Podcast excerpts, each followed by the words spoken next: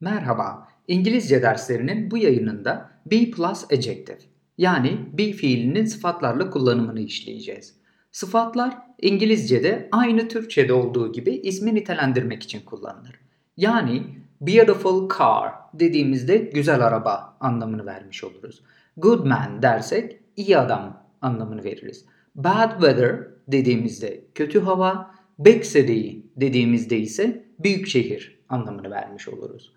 Sıfatların be fiiliyle kullanımını örnek verecek olursak basit bir şekilde a ball is round cümlesi bir top yuvarlaktır anlamına gelir.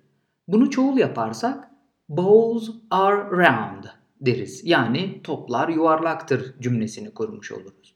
Burada dikkat edecek olursak çoğul olsa bile round diyoruz. S takısı getirmiyoruz. Sıfatlar hiçbir zaman S takısı almazlar. Yani çoğul olmazlar.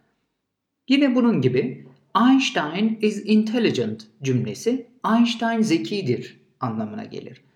Veya Einstein and Jack are intelligent diye de cümle kurabilirim. Bu da Einstein ve Jack zekidir anlamına gelir. Sıfatları pronouns yani zamirlerle kurduğumuz cümlelerde de kullanabiliriz.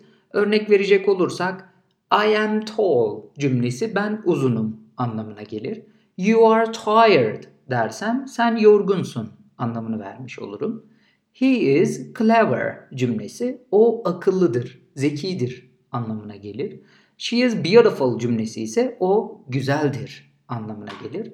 It is cute dediğimde o sevimlidir anlamını vermiş olurum. Yine milliyetler de bir çeşit sıfattır. Yani we are Turkish cümlesi biz Türküz anlamına gelir.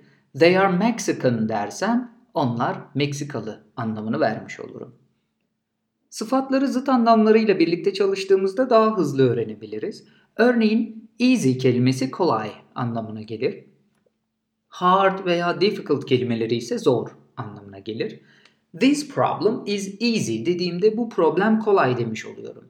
That problem is hard dersem bu problem zor anlamını vermiş olurum. Yine bunun gibi young kelimesi genç anlamına gelir. Old kelimesi ise yaşlı anlamına gelen kelimemizdir. This man is young dediğimde bu adam genç anlamını veririm. That woman is old dersem o kadın yaşlı anlamını vermiş olurum. Cold kelimesi soğuk anlamına gelirken hot kelimesi sıcak anlamına gelir. This tea is cold cümlesi bu çay soğuktur anlamına gelir. This coffee is hot cümlesi ise, ise bu kahve sıcaktır anlamına gelmektedir. Happy sıfatı mutlu anlamına gelirken sad sıfatı üzgün anlamına gelir. Üzgün anlamını vermek için unhappy de kullanabiliriz. I'm happy dediğimde ben mutluyum anlamını veririm. You are sad dersem sen üzgünsün anlamını vermiş olurum. Evet arkadaşlar, bu dersimizde sıfatları gördük. Sıfatların arkasından isimlerin kullanıldığını işledik. Aynı beautiful car ve old house örneklerinde olduğu gibi sıfatların be fiili ve özne zamirleriyle I am young, she is happy gibi örneklerde kullanıldığını gördük. Bazı sıfatların anlamlarını zıt anlamlarıyla birlikte inceledik.